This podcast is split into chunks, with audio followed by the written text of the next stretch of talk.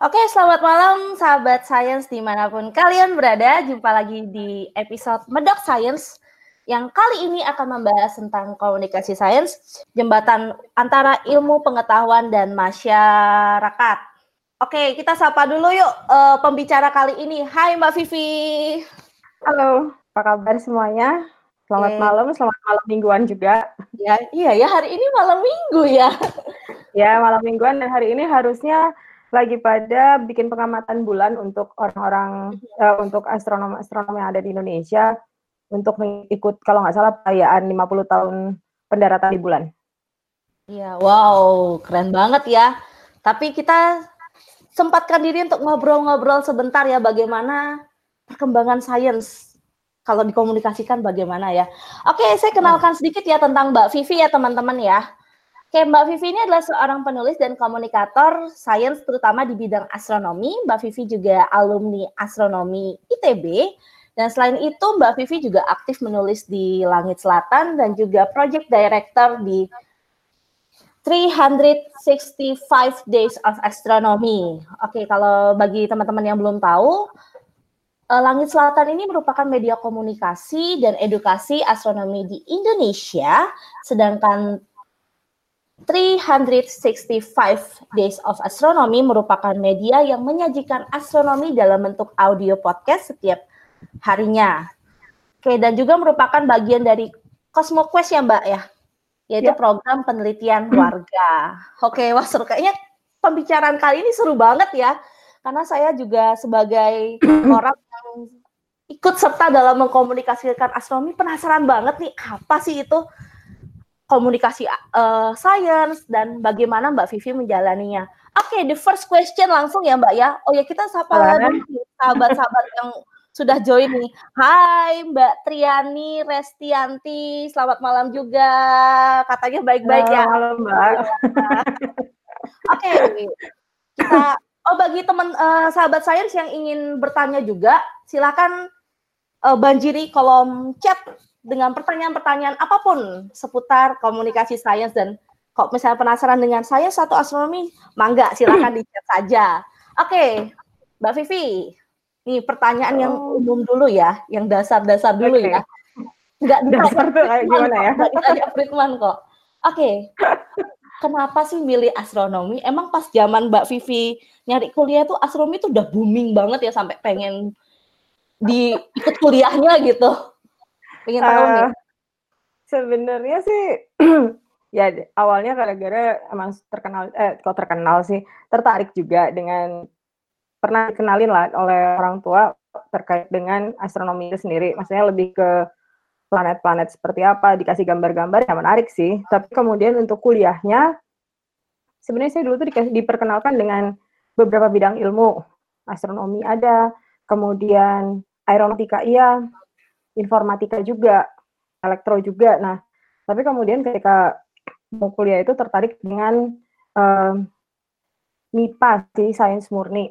Nah, oh. pikir-pikir dari pilihan yang ada ya menarik juga sih untuk um, milih astronomi karena untuk bapak saya tuh bilang bahwa kalau kuliah di astronomi kerjanya banyak karena di masa depan uh, apa perjalanan oh, perjalanan luar angkasa ya terlalu jauh mungkin tapi uh, space technology itu bakal berkembang pesat. Jadi ya tertarik juga untuk masuk astronomi dan milih astronomi. Pilihan keduanya juga jauh-jauh sebenarnya yaitu fisika. fisika. Dan ternyata setelah kuliah di astronomi, kami kuliahnya di fisika kok. Wah, berarti astronomi iya sih astronomi mak makin ke sini makin maju ya Mbak ya, apalagi Indonesia bentar lagi mau buka observatorium pasti lapangan pekerjaannya juga lebih banyak. Wah, oke bagi adik-adik bisa dari di sana yang masih galau mencari kuliah atau yang baru akan mencari kuliah mungkin bisa dipertimbangkan. Pertimbangkan pesan-pesan dari ayahnya Mbak Vivi. Terima kasih ayahnya Mbak Vivi. Wah ini luar biasa banget ya. Oke, ada alasan lain nggak atau siapa gitu yang mau menginspirasi Mbak untuk masuk astronomi? Apalagi astronomi kan sebenarnya jurusan yang masih waktu itu satu-satunya ya di Indonesia ya. Hmm. Ya, zaman saya kayaknya sampai saya lulus juga masih satu-satunya di Indonesia. Baru sekarang ya beberapa tahun terakhir ini sih kita punya uh, jurusan apa ya yang di ITERA itu? Ya di ITERA, Sains Atmosfer dan Keplanetan. Ya, betul sekali. Kemudian kalau nggak salah juga UGM UI juga ada ya untuk ada kelompok keahliannya sepertinya. Iya, kelompok keahlian. Hmm. Kalau nggak salah juga UAD dengan hmm. Uh, pusat studi astronominya sekarang. Kalau zaman dulu memang belum ada. Hmm. Kalau tanya yang in, menginspirasi secara khusus sebenarnya nggak ada juga sih. Jadi nggak ada satu tokoh khusus yang bisa mengins yang bikin saya tuh masuk astronomi juga sebenarnya. Oke. Okay. Ya tertarik aja. Tertarik aja. Wah luar biasa sekali ya. Oke adik-adik yang masih SMA, tolong tonton Medok Science episode 8 ini ya. Oke promosi banget Tapi, ya. Kalau kalau sekarang kan dengan akses informasi yang lebih uh, lebih lebih baik, saya bilang sih mungkin orang lebih lebih mudah mengenal astronom bukan hanya yang ada di Indonesia tapi juga yang dari luar. Oh. Misalnya ya Neil deGrasse Tyson. Kalau zaman dulu sih memang ada ya kita kenal Carl Sagan. Hmm. Tapi ya saya tinggalnya di Maluku, saya agak jarang-jarang juga punya informasi hmm. gitu. Kemudian uh, oh ya yang paling saya ingat sebenarnya dari astronomi ya enggak ya astronomi sih. Yang paling saya ingat yang terkait astronomi adalah meledak, meledaknya pesawat Challenger. Ah, oke. Okay. Wah, itu meledak langsung pikirannya semua meledak gitu. Oke. Okay. Dan itu menarik perhatian karena akhirnya membuat kita berpikir gimana sih untuk melakukan perjalanan perjalanan luar angkasa. Oke. Okay. Oke, mungkin dari teman-teman astronomi juga ada juga yang mempelajari tentang uh, kalau misalnya kuliah lintasan satelit itu masuk ya di dalam perjalanan luar angkasa tuh ya saya nggak pernah ngambil sih. Cuma banyak yang tertarik sepertinya teman-teman di sini yang berkaitan dengan penjelajahan luar angkasa, teman-teman astronomi di ITB. Oke Mbak, uh, kira-kira ada berapa lama sih jadi komunikator sains ini Mbak? Dan kenapa sih memilih jalan sebagai komunikator sains? Kenapa nggak jadi peneliti? Kenapa nggak menjadi seperti saya gitu, keliling Indonesia ngajar-ngajar gitu? Kenapa jadi okay. komunikator sains? Kenapa jadi komunikator sains ya? Sebenarnya juga nama dari uh, apa ya nama profesi komunikator sains itu saya baru tahu tahun 2007 waktu saya ikut Communicating Astronomy with the Public Conference. Dari situ saya tahu oh ada ya rupanya namanya science communicator. Kalau di astronomi sih dibilangnya astronom communicator. Kemudian ada uh, beberapa profesi lagi yang terkait dengan sains komunikasi ini, terutama untuk orang-orang yang bekerja di uh, bekerja sebagai komunikator di observatorium. Nah, kenapa saya eh, kapan saya mulai sebenarnya kayaknya hmm, setelah lulus S2 sih. Mulainya ketika saya sama teman-teman alumni Astro tertarik untuk membuat sebuah majalah yang menyediakan informasi astronomi. Jadi waktu itu latar belakangnya tahun 2003 eh, oposisi Mars dan Bosca, kemudian eh, Planetarium Jakarta kemudian juga di ITB sendiri kalau nggak salah Himasron bikin acara uh, pengamatan di ka dalam kampus dan itu antriannya panjang banget. Hmm. Apalagi Planetarium Jakarta kalau nggak salah sampai ada kerusakan pada instrumen juga gitu kan. nah, kenapa orang-orang tertarik pada saat itu? Karena ada isu bahwa uh, Mars itu akan tampak sebesar bulan purnama. Jadi kita akan lihat dua bulan purnama. Hmm.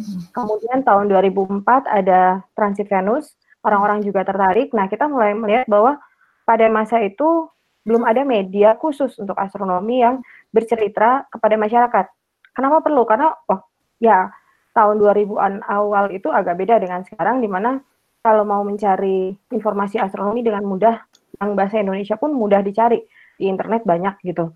Tapi zaman 2003-2004 belum ada. Kebanyakan astronomi itu bisa ditemukan lewat tulisan para astronom di media massa media media oh, massa media massa nasional. Tapi itu kan juga tidak mungkin tiap hari gitu. Paling seminggu sekali dan kalau ada event. Jadi kita berpikir bahwa mungkin kita perlu nih membuat sebuah majalah khusus.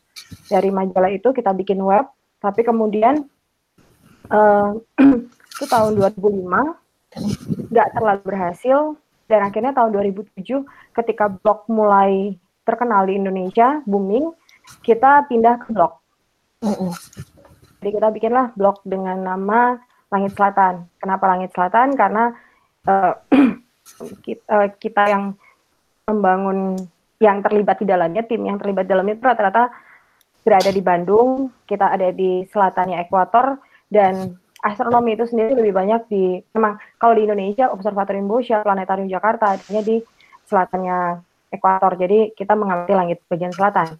Nah itu sih dasar nama langitselatan.com. Oh, Oke. Okay. Gitu. Oh. Nah sejak itu kita, uh, saya sendiri mulai terlibat dengan komunikasi astronomi. Hmm. Oke. Okay. Dan bahkan baru tahu ada ada komisi khususnya di International Astronomical Union. Oh, iya kah? Wow. Ya.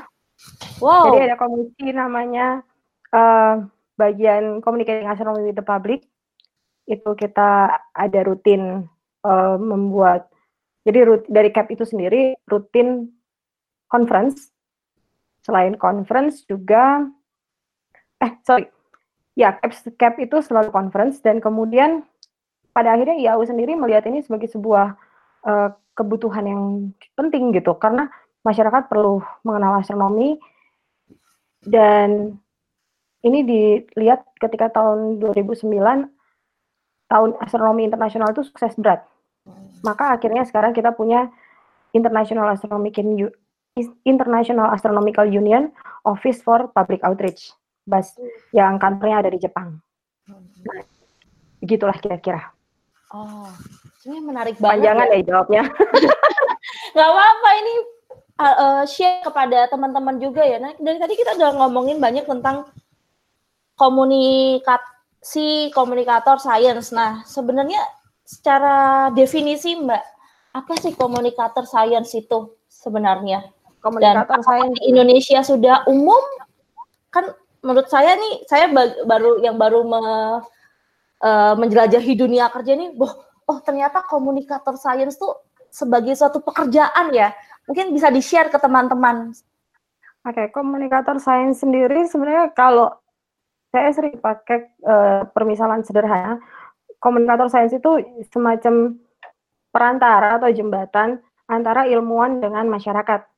Kenapa begitu? Karena biasanya ilmuwan itu dia berbicara dalam bahasa yang saintifik, bahasa yang mungkin lebih teknis daripada masyarakat. Maka kita perlu menerjemahkan itu dalam bahasa yang mudah dipahami.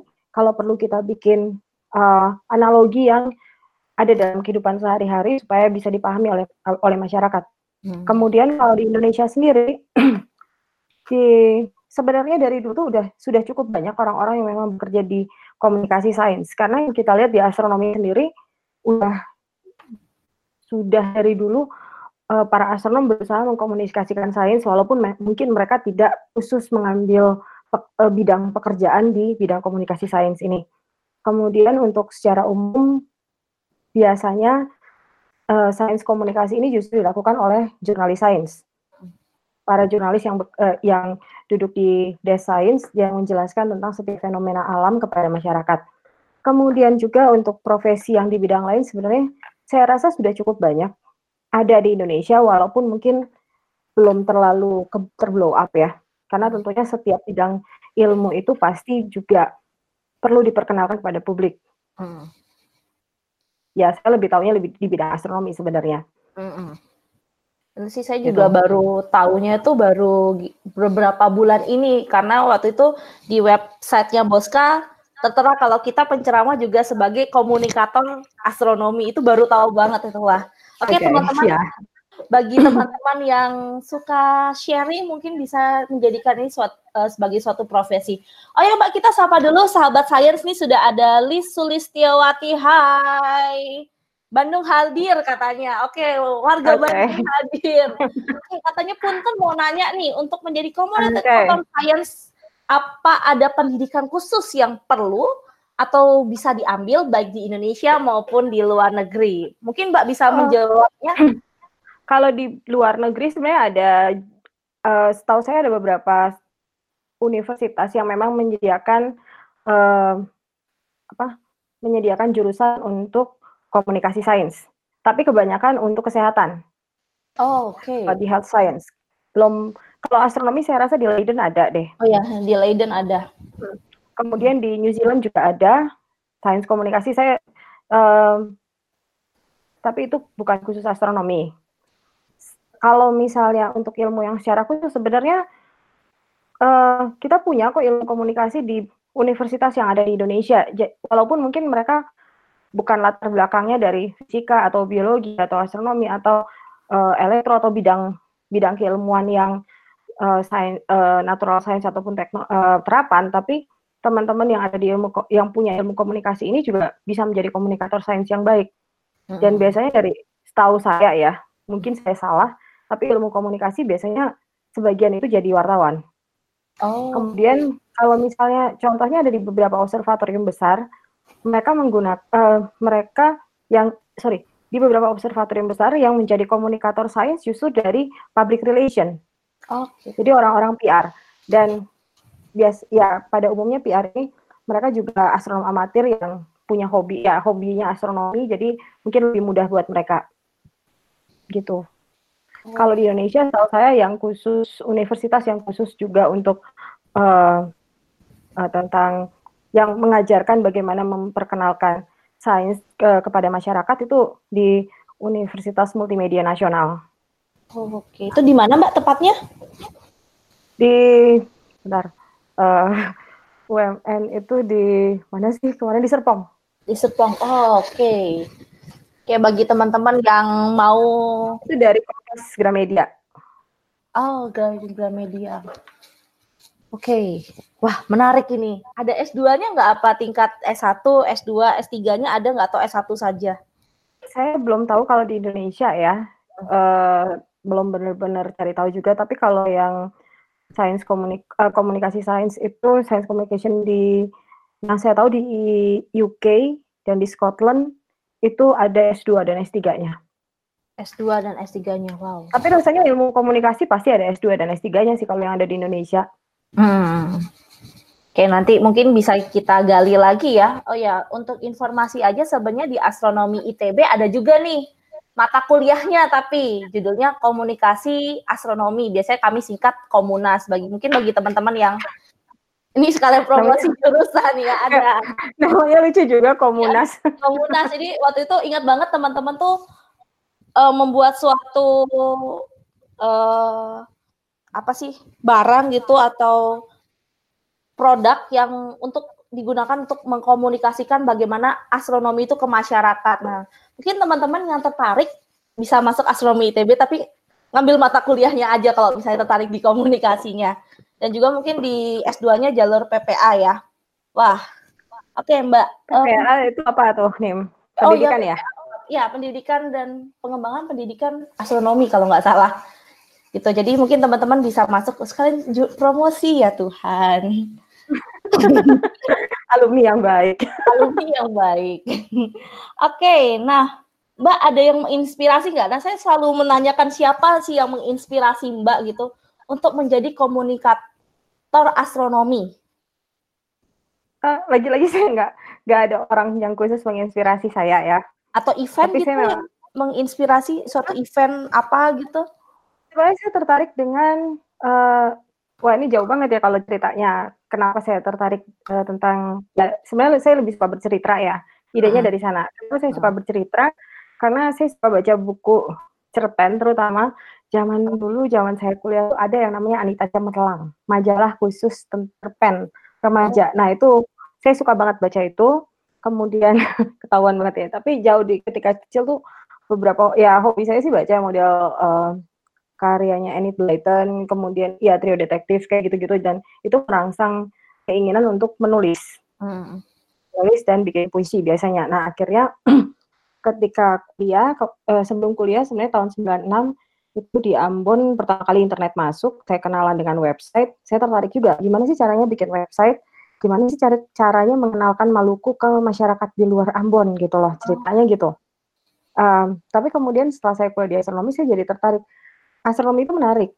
Gimana saya bisa bercerita tentang astronomi di website. Tapi ya zaman kuliah kayaknya susah ya untuk melakukan semua itu karena satu keterbatasan teknologi pada masa itu. Walaupun sebenarnya saya punya akses yang cukup baik di ITB maupun uh, di rumah, tapi uh, belum ke sana karena mikirnya gimana caranya bisa lulus dulu. Okay. Sampai kemudian yang tahun 2003 itu bersama dengan teman-teman di Astro, kita mulai mulai tertarik untuk bikin majalah. Gitu ah. Ceritanya. Oh, jadi berawal dari kalau, suka membaca cerpen gitu ya. Kalau sekarang sih salah satu orang yang mungkin bisa dibilang inspire. Sebenarnya saya ketemu banyak orang inspire yang bisa menginspirasi saya di bidang komunikasi astronomi. Salah hmm. satunya adalah Pamela Gay itu dari CosmoQuest. Dia juga oh. pimpinannya CosmoQuest. Nah, dia senang sekali bercerita ke keahliannya di new media. Nah, saya juga di bidang itu bidang new media juga bagaimana kita menggunakan media baru untuk memperkenalkan astronomi. Salah satunya ya uh, dari dunia blog, kemudian kita menggunakan media sosial, kita, bagaimana kita menggunakan uh, um, apa sih namanya kayak uh, video dan lain-lain, audio podcasting terutama. Kebetulan saya memang bergerak saat ini selain langit selatan di Indonesia dengan tulisan, uh, artikel, infografik, ya kita pakai infografik juga, kita bikin event juga, tapi kerjaan lainnya adalah membuat audio. Dan itu tantangan tersendiri. Bagaimana kita membuat kita bercerita seperti mendongeng, tapi masyarakat bisa membayangkan apa yang sedang kita ceritakan dan mereka bisa paham. Karena mungkin zaman sekarang orang lebih mudah tertarik dan paham ketika mereka melihat video sesuatu uh, lebih ke visual. Lebih ke visual ya, oke. Okay. Oke okay, Mbak, tadi kan kita udah berbicara siapa yang menginspirasi, siapa apa itu sains komunikator sains. Nah, ini nih pertanyaan penting nih. Okay. Dan juga seberapa penting sih keberadaan komunikator sains ini di masyarakat dan kira-kira masyarakat seantusias apa sih dengan sains ini kira-kira? Kalau sains secara umum saya nggak berani jawab ya karena hmm. bidang saya bukan secara umum. Maksudnya saya nggak tahu kondisi. Kalau saya bicara saya selalu ingin tahu tentang statistik. Jadi saya nggak tahu kondisi di bidang ilmu uh, bidang ilmu yang lain. Saya tahunya di astronomi. Kalau tadi sepenting apa? Menurut saya penting sekali karena dari astronomi sendiri sering kali masyarakat um, ya mudahnya banyak hoax yang beredar. Jadi bagaimana kita bisa mengkomunikasikan mengkomunikasikan sains, eh, mengkomunikasikan astronomi dan event astronomi itu supaya mereka paham hmm. bahwa itu bukan sesuatu yang menakutkan. Contoh paling um, ya misalnya tahun 2003 itu bulan akan uh, sorry Mars akan sebesar bulan purnama. Hmm. Kemudian ternyata nggak berakhir hanya tahun 2003. Dari tahun 2003 sampai sekarang, kadang-kadang setiap tahun dan ya lebih tepatnya tiap dua tahunan kita akan dapat isu yang sama bahwa oposisi Mars itu artinya Mars akan tampak sebesar bulan. Nah, bagaimana kita bisa menjelaskan itu ke publik? Ketertarikan masyarakat tinggi sekali loh sebenarnya. Bahkan hanya untuk melihat bulan ketika berada di titik perigi atau yang sering dikenal sebagai supermoon, itu mereka tertarik banget. Seringkali kita lihat di media sosial bagaimana teman-teman uh, bukan hanya amatir tapi juga masyarakat secara umum mereka membagikan foto bulan purnama yang menurut mereka tampak lebih besar kemudian ketertarikan pada hujan meteor, apalagi kalau gerhana matahari. Nah, hmm. event astronomi itu sendiri menarik. Tahun 2012, 2009 itu keluar film judulnya 2012 tentang kiamat. Nah, pada masa itu orang semuanya bertanya-tanya, apakah betul kita akan kiamat? Bagaimana dengan kesejajaran planet-planet? Apakah itu akan bikin kita akan membuat terjadinya uh, kiamat itu sendiri? Apakah dengan berakhirnya kalender Maya maka kita akan kiamat? Nah, ketakutan yang seperti itu yang harus kita counter.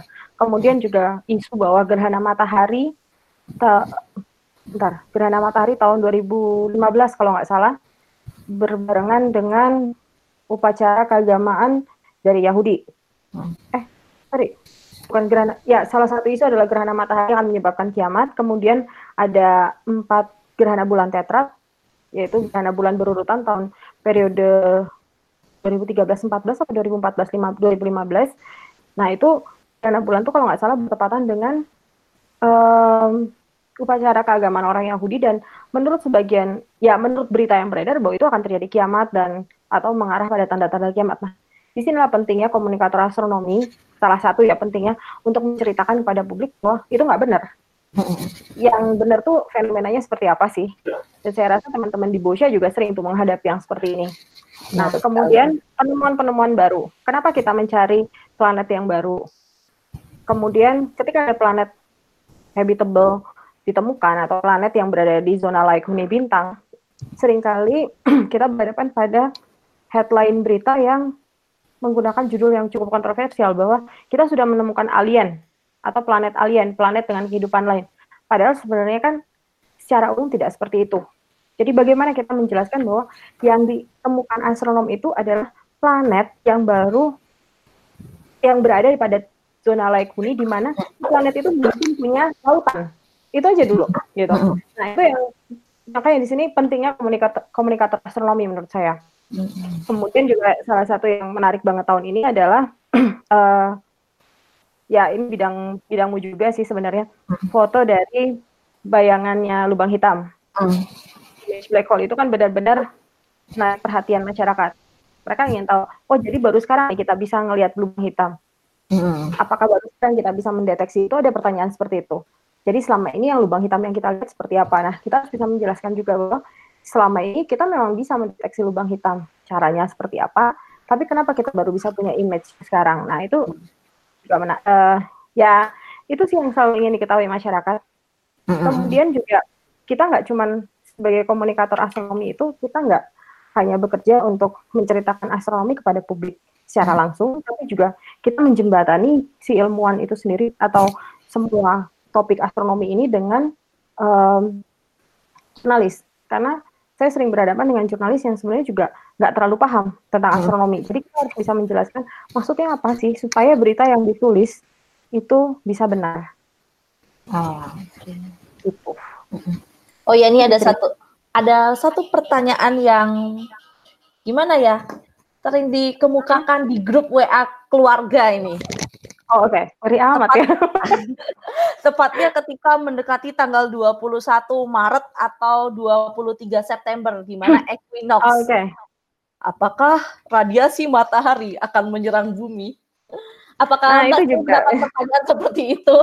Oh, itu sering. Kalau nggak salah kami pernah nulis sekali di Langit Selatan tentang uh, hot wave eh ya yeah, gelombang panas terkait dengan equinox itu sebenarnya nggak benar gitu. Hmm. Itu kita pernah juga tulis. Banyak sih sebenarnya isu di astronomi yang sering salah kaprah dan dihubung-hubungkan dengan mistik. Hmm. Mungkin karena zaman dulu ya, zaman dulu pertama kali. Ya zaman dulu memang orang-orang yang melihat langit ada kebanyakan memang petinggi-petinggi keagamaan. Mereka ya ya ada ada masa di mana astrologi dan astronomi itu jadi satu, tapi kemudian kan masing-masing jalan sendiri. Astronomi keilmuan yang kita kenal sekarang. Nah, bagaimana kita menjelaskan itu ke publik juga menarik sih. Ya, dan tantangannya memang nggak mudah juga, tapi asik-asik aja. Atau ada nggak pernah keluarga mungkin ayah sendiri atau tante sendiri gitu yang pernah ngirimin ke kita gitu, hati-hati ya pas tanggal segini. Dan waktu itu tanggapannya Mbak Vivi gimana? Um, ada sih, kayaknya saya agak ada beberapa, tapi bukan yang di Bandung sih sebenarnya. Nah itu pertanyaan memang saya lupa itu terkait apa ya supermoon kayaknya. Hmm. Jadi ide karena khawatir bahwa supermoon itu uh, apa pasang naik, kemudian terjadi bencana. Nah ya kita jelaskan juga lah akhirnya dengan bahasa yang sesederhana mungkin bahwa itu adalah sebuah ya bulan akan selalu berada pada perigi. Kebetulan bertepatan dengan bulan purnama ya penampakannya seperti apa, kecelangannya seperti apa, hmm. tapi ya itu nggak nggak begitu berpengaruh pada uh, pasang naik karena pasang naiknya ya pasang purnama aja seperti biasa. Kemudian tahun oh bentar tahun lalu apa tahun 2018 ya gerhana bulan total itu tahun lalu kan ya? Hmm. Nah, gerhana waktu gerhana bulan total itu ada beberapa teman sih yang kirim WA uh, dari daerah bahwa tapi ini kan sesuai dengan prediksi atau uh, semacam apa ya semacam for, uh, ya semacam ya prediksi dari keagamaan bahwa ini tuh akan menjadi tanda-tanda akhir zaman bahwa bulan memerah dan segala macam. Ya kita jelasin juga bahwa bulan yang namanya gerhana bulan ya kenapa dia merah ya kita jelasin sebaik mungkin. Walaupun kadang juga pernah uh, ketika ada yang bertanya tentang bul gerhana bulan dan keterkaitan dengan kiamat, setelah dijelasin ada yang bilang gini, Ya, tapi kan kamu harus berdoa aja karena kita nggak tahu apa yang terjadi. Karena kita sudah dikasih tahu kiamat akan terjadi. Jadi ya kita berjaga-jagalah. Ya, selalu ada yang seperti itu. Mm-hmm. Tapi kita dari langit selatan sendiri kita semuanya mencoba untuk menjelaskan bahwa uh, gimana sains itu bekerja. Jadi kita nggak mau yang ada adanya cocok logi seperti itu. Hmm, ya benar banget ya. Itu tugas yang Hmm. Oke Mbak, kira-kira dari sekian banyak pertanyaan yang hadir di kehidupan sebagai komunikator astronomi gitu ya, ada nggak sih pertanyaan yang never ending question gitu? Jadi kayak misalnya bumi ini datar ya?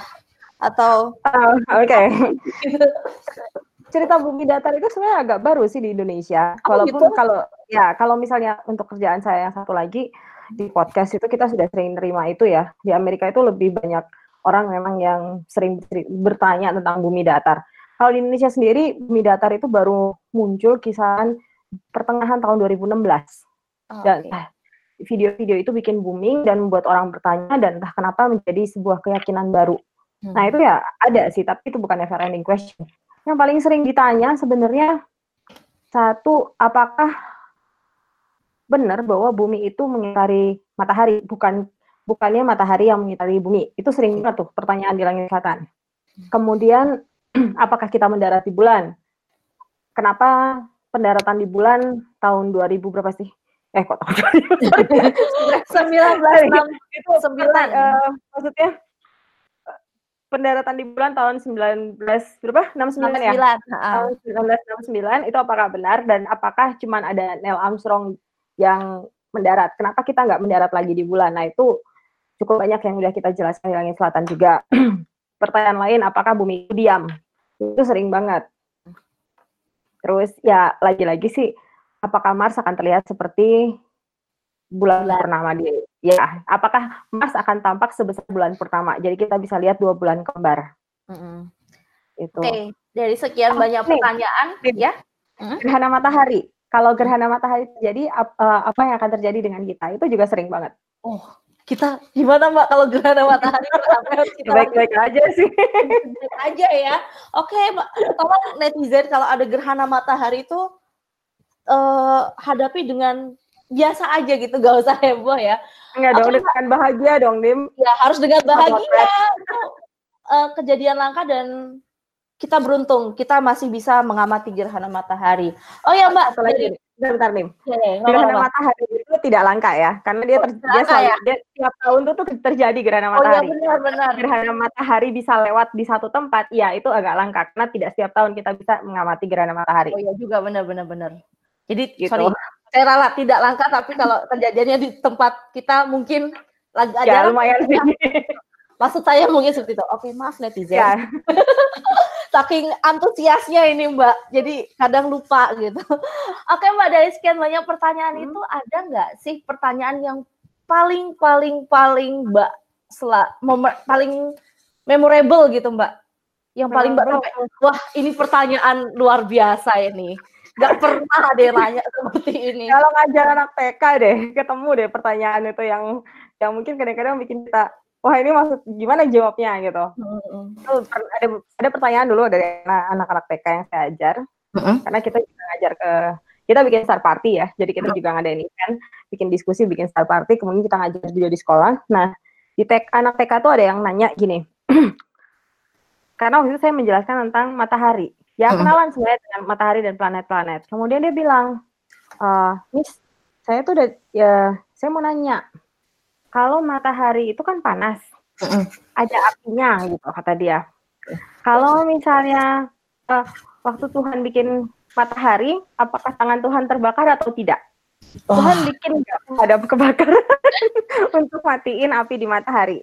Kemudian oh. ada lagi yang nanya, ini uh, kan saya biasanya ngasih, ngasih permisalan uh, apa analogi kalau misalnya dengan mobil kamu bisa nyampe matahari itu seberapa lama gitu. Nanti nanya kalau pakai sepeda gimana Miss? Berapa tahun saya nyampe?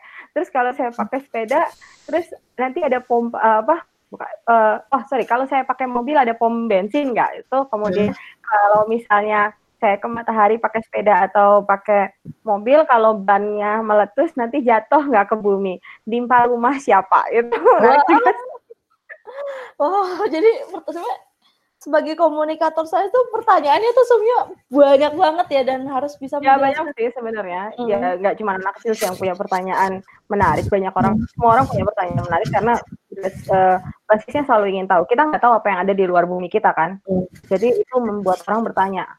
Paling sering itu adalah apakah ada kehidupan lain di luar bumi? Ah. kalau ada seperti apa bentuknya mm. apakah UFO itu ada apa benar kita pernah dikunjungin UFO ya hal-hal seperti itu sih Ah ya ya ya. Wow. Luar biasa. Oke, tadi kita udah ngomongin banyak pertanyaan seputar seba, uh, kita sebagai komunikator sains. Kita saya penasaran dengan satu hal nih, Mbak. Tadi Mbak okay. sebutkan komunikator sains itu adalah jembatan antara ilmu pengetahuan, uh, sorry, ilmuwan dengan masyarakat, benar kan? Hmm. Nah, kira-kira di Indonesia sendiri misalnya seperti kita sebut salah satu lembaga penelitian gitu ya. Apakah setiap hmm. lembaga penelitian itu punya komunikator sainsnya masing-masing atau enggak sih kalau di Indonesia? Harus ada, namanya humas. Okay. Jadi humas, mereka lah sebenarnya yang seharusnya menceritakan tentang apa yang misalnya ya penemuan atau misalnya apa yang sedang terjadi kepada publik. Mungkin paling sering kita lihat di TV adalah humas dari BMKG sih biasanya. Nih kenapa nyebut nyebut ya? Tapi ya ketika ada terjadi gempa, terjadi bencana alam, mereka biasanya juga cukup uh, baik dalam menjelaskan kepada masyarakat. Hmm. Kemudian juga ya kebencanaan misalnya dari dari apa lagi ya? Ada beberapa sih yang sering kita muncul di TV walaupun saya nggak hafal juga, tapi pada dasarnya seharusnya setiap lembaga punya humas yang bertindak sebagai uh, juru bicara untuk menceritakan penelitian mereka kepada publik. Ataupun hasil penelitian apakah itu ongoing ataupun uh, sudah has, sudah ada hasilnya seharusnya mereka yang menceritakannya mereka yang bertugas untuk menceritakan. Kenapa perlu? Karena sebenarnya lembaga penelitian itu kan dibiayai dari pajaknya masyarakat. Mm-hmm. kalau di sini saya nggak tahu ya apakah sering tapi kita, uh, bu, bukan maksudnya bukan apakah sering pajak membiayai penelitian tapi kita, kita tahu bahwa penelitian dibiayai pajak. Tapi um, kalau kami yang di ya kalau di communicating astronomy kita selalu melihat bahwa itu menjadi tanggung jawab dari komunikator untuk menceritakan kepada publik karena publik harus tahu uang mereka tuh dipakai untuk penelitian apa dan apa hasilnya, apa manfaatnya buat mereka. Hal-hal seperti itu. Oke. Jadi yang menjembatani itu pihak humasnya ya. Oke, bahasa harusnya dia bahasa umumnya humas ternyata teman-teman. Ya komunikator saya sudah ada, cuma bahasa umumnya tuh humas. Oke, saya juga baru tahu Mbak. Terima kasih loh. Oke, kita sapa dulu yuk sahabat sains yang udah nongol di kolom chat ini. Halo, ada Iputu Wira Hadi Putrawan. Oke, ini sahabat saya ini Beli Wira namanya ya. Hai Beli Wira katanya videonya nge ya. Oke, semoga bisa lagi ya. Dan semoga pesannya nyampe itu yang paling penting. Langsung ada Y Gold 20. Wow, hello. Wah, masih 20 kayaknya masih 55 muda. Nah, jadi kalau misalnya masih muda pasti semangatnya tinggi banget. Oke, selamat mengkomunikasikan sains di sekitar Anda ya. Oke. Nah, oke Mbak Afifah Yawani. Hai Mbak Afifah juga. Oke Mbak, uh, dari sekian banyak nih kita mendapatkan pertanyaan dan mendapatkan tantangan di bidang komunikasi astronomi, eh, sorry, science. Hmm. Nah, sebenarnya metode yang paling efektif untuk menyebarkan sains ini seperti apa sih sebenarnya Mbak? Kalau bicara metode yang paling efektif, kita harus tahu dulu kita yang jadi targetnya siapa? Apakah anak-anak? Apakah remaja? Apakah orang dewasa? Apakah orang-orang yang uh, jauh dari teknologi, apakah orang-orang yang hidupnya tiap hari megang HP.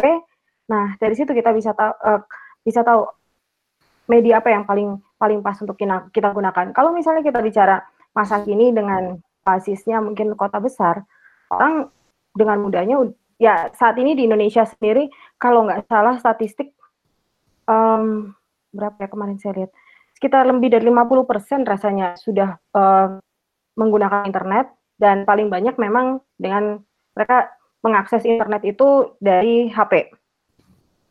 Nah, kita tak dan dari situ kita bisa lihat juga bahwa statistik yang paling besar adalah sosial media. Kita belajar juga sosial medianya karakteristiknya penggunanya misalnya Facebook untuk siapa, kemudian uh, Twitter untuk siapa, Instagram itu seperti apa. Nah, dari sana kita bisa menyesuaikan untuk uh, melakukan komunikasi. Apakah kita menggunakan uh, visual, uh, audio visual, apakah kita menggunakan tulisan, apakah kita menggunakan infografik.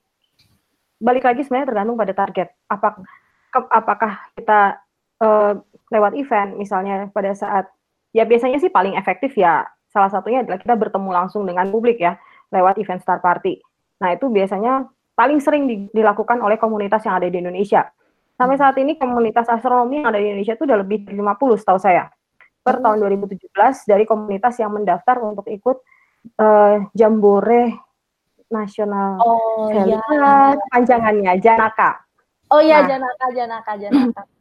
Waktu itu cukup banyak tuh uh, klub yang mendaftar. Tapi yang paling aktif memang sampai saat ini masih di seputaran Pulau Jawa. Jakarta, Jogja, Surabaya itu aktif banget. Bahkan Jawa Timur itu sendiri punya forum komunikasi eh forum khusus untuk seluruh klub astronomi yang ada di Jawa Timur. Oh. Nah, wow. kalau Jatim itu setahu saya paling banyak dari Instagram. Hmm. Kalau kami di Langit Selatan memang kami memilih untuk nulis artikel di situs langitselatan.com dan bikin infografis. Hmm. Kemudian kita manfaatkan juga Instagram, kita manfaatkan Facebook dan Twitter juga untuk mencari uh, untuk sharing sebenarnya dan kadang-kadang ngobrol dengan teman-teman yang bertanya. Hmm. Oh ya Mbak, ngomong-ngomong soal langit selatan ini, kira-kira hmm. kalau ada teman-teman di sini yang suka banget nulis, tapi sebenarnya dia bukan bidang astronomi nih, boleh kirim artikel nggak Mbak? Boleh banget. Di oh. kita itu juga cukup banyak kok yang nulis dengan latar belakang bukan astronomi. Dan ya, tapi ya untuk nulis otomatis dia harus me, me, um, mematuhi kaidah sains itu sendiri. Jadi informasi yang diberikan harus benar. Hmm. Dan biasanya kita ada editor untuk ngecek semuanya, okay. baik dari sisi sainsnya maupun dari sisi bahasa. Hmm. Karena kami mengutamakan bahasa Indonesia yang baik dan benar. oh ya sekarang kecenderungannya oke. Okay. Oke teman-teman bagi teman-teman yang ingin sekali mengirimkan karya teman-teman dan ingin menulis di uh, terutama di bidang astronomi, silakan saja lo kirimkan ke langitselatan.com. Sekali dipromosi ini ya Mbak ya. Biar iya nih. Penulis penulis promosi. Saya minta tahu promosi. Oke Mbak, um, ada nggak sih suka duka selama menjadi komunikator sains, terutama di bidang astronomi ini yang paling Mbak ingat, yang paling Mbak, oh ini yang membuat saya tetap bertahan gitu. Ada nggak ya? Uh, apa ya? Agak susah juga karena saya sih suka-suka. Saya senang untuk bercerita intinya itu. Tapi mungkin kadang yang kalau saya bilang duka sih nggak juga. Tapi mungkin di tantangan ya. Tantangan terbesar itu kalau agak lama nggak nulis, kemudian mau balik nulis lagi, moodnya suka hilang. Jadi butuh pencerahan. Dan kemudian juga ya ya itu sih sebenarnya lebih ke, ke arah situ. Walaupun sebenarnya nggak nggak ya pada dasarnya kita juga jadinya tahu kan bahwa bagaimana sih cara menulis yang baik. Jadi walaupun moodnya agak, aduh gue malas nulis nih, ada sih saat-saat di mana kita juga jenuh, tapi ya dinikmatin aja sih. Hmm. Oke, ini mungkin uh, pertanyaan kalau misalnya saya udah nanya kayak gini, pasti ada dalam hati teman-teman uh, sahabat sains yang nanya, gimana sih cara mengembalikan mood agar kembali menulis? gitu. Baca. Baca. Baca dan temukan uh, excitement dari uh, materi yang mau ditulis. Itu aja sih ya kadang butuh waktu beberapa hari tapi ya asik-asik aja. Kemudian juga kalau saya sih yang paling saya suka mungkin kesempatan yang kita peroleh untuk ketemu publik ya. Kita bertemu dengan masyarakat dari berbagai lapisan dengan pengetahuan uh, dengan dasar pengetahuan yang juga berbeda-beda. Kemudian kita juga uh, dengan adanya event astronomi seperti Gerhana Matahari Cincin tahun 2009, Gerhana Matahari Total 2016, Transit Venus, kami berkesempatan untuk uh, melakukan perjalanan pengamatan ke daerah. Salah satunya Gerhana Matahari Total 2016 kami bisa tiba dan melakukan pengamatan di Halmahera Timur. Itu menarik banget soalnya. Jadi perjalanannya cukup jauh dan kita bertemu dengan masyarakat yang mungkin yang cukup jarang untuk dengar uh, astronomi itu sendiri. Jadi kita berkesempatan untuk berbagi berbagi pengetahuan dengan mereka di sana, pengamatan gerhana di sana dengan mereka juga. Walaupun tentu pada saat GMT 2016 itu memang karena maba merupakan lintasan yang paling baik menurut uh, kalau kita lihat lintasannya dia daerah paling lama ya empat menitan kalau nggak salah saya agak lupa tepatnya totalitasnya. Tapi waktu itu ada langit selatan, ada kemudian lapan, kemudian ada teman-teman astronom dan uh, eclipse chasers dari luar negeri yang datang ke Maba juga untuk pengamatan dan ya pada akhirnya ketika orang bertanya semua orang juga bercerita apa sih gerhana matahari itu? Pen, uh, seperti apa gerhana matahari? Kaitan dengan mitos-mitos yang selama ini didengar tuh benar atau tidak? Nah hal-hal seperti itu. Itu menarik banget. Karena sering kali kita berasumsi bahwa masyarakat di daerah seperti pendidikannya seperti apa. Nah kita perlu datang ke sana untuk tahu. Ah Indonesia ini terlalu luas sebenarnya oh, ya. luas banget. Luas Indonesia banget. luas banget. Hmm. Tujuh belas ribu pulau hmm. uh, yang berpenghuni itu saya lupa tepatnya berapa ribu. Kemudian kita punya lebih dari 800 bahasa yang bahasa dan dialek yang digunakan di Indonesia. Kita lebih dari 300 suku. Bagaimana kita mengkomunikasikan itu pada kondisi yang sangat berbeda ini itu penuh tantangan sebenarnya. Wah, saya juga merasa tertantang ini Mbak sejujurnya nih. Oke Mbak, nah kalau misalnya saya ingin banget nih jadi komunikator sains Mbak, kira-kira ada tips dan triknya nggak sih Mbak? Uh, tips dan trik, lakukan apa yang disukai aja sih sebenarnya. kalau sukanya nulis, ya silakan menulis. Kalau suka dongeng, silakan mendongeng. Karena misalnya gini ya, di, di kita sendiri saat ini di Indonesia itu kita sempat mengikuti uh, project namanya Asian Star Project. Itu tahun 2009 waktu tahun internasional, tahun astronomi internasional. Projectnya mencari dongeng-dongeng yang terkait dengan benda-benda langit yang ada di setiap negara, terutama di Asia Pasifik. Salah satunya ya Indonesia ada tim teman-teman yang bekerja, uh, yang ikut di, di bidang ini dan menemukan cukup banyak cerita di Indonesia bahwa dari zaman dulu tuh masyarakat Indonesia sudah menggunakan benda-benda langit dalam menginter untuk misalnya agraris, kemudian uh, untuk apa menangkap ikan di laut dan hal-hal seperti itu. Juga ada beberapa ya ada ada banyak cerita juga tentang gerhana yang mirip antara di Jawa sama di Maluku bahwa gerhana itu gerhana matahari terjadi ketika matahari dilahap oleh kalau di Maluku Utara dulu tuh kita sempat diceritain bahwa itu karena di di si matahari di ditelan oleh Suanggi. Suanggi itu kayak hantu gitulah setan gitu. Nah itu kan agak-agak mirip tuh dengan yang ada di uh, dengan ide bahwa gerhana bulan dan gerhana matahari itu gerhana terjadi ketika betara kala memakai me, apa melak bulan apa matahari. Iya ya, ada cerita seperti itu ya di Jawa ya. Wah, hmm, kemudian cerita ya ada beberapa cerita menarik lain juga sih, misalnya uh, dari Kilip di Kalimantan. Kemudian ada uh, cerita dari Kepulauan Mentawai. Banyak sih sebenarnya Indonesia kaya dengan cerita seperti itu. Wah, tapi kurang sepertinya kurang gini ya Mbak ya, kurang terekspos media gitu ya. Uh, setahu saya ada beberapa kali media masa nasional itu mengangkat uh, cerita tentang penelitian ini kayaknya saya agak saya, saya agak lupa sih.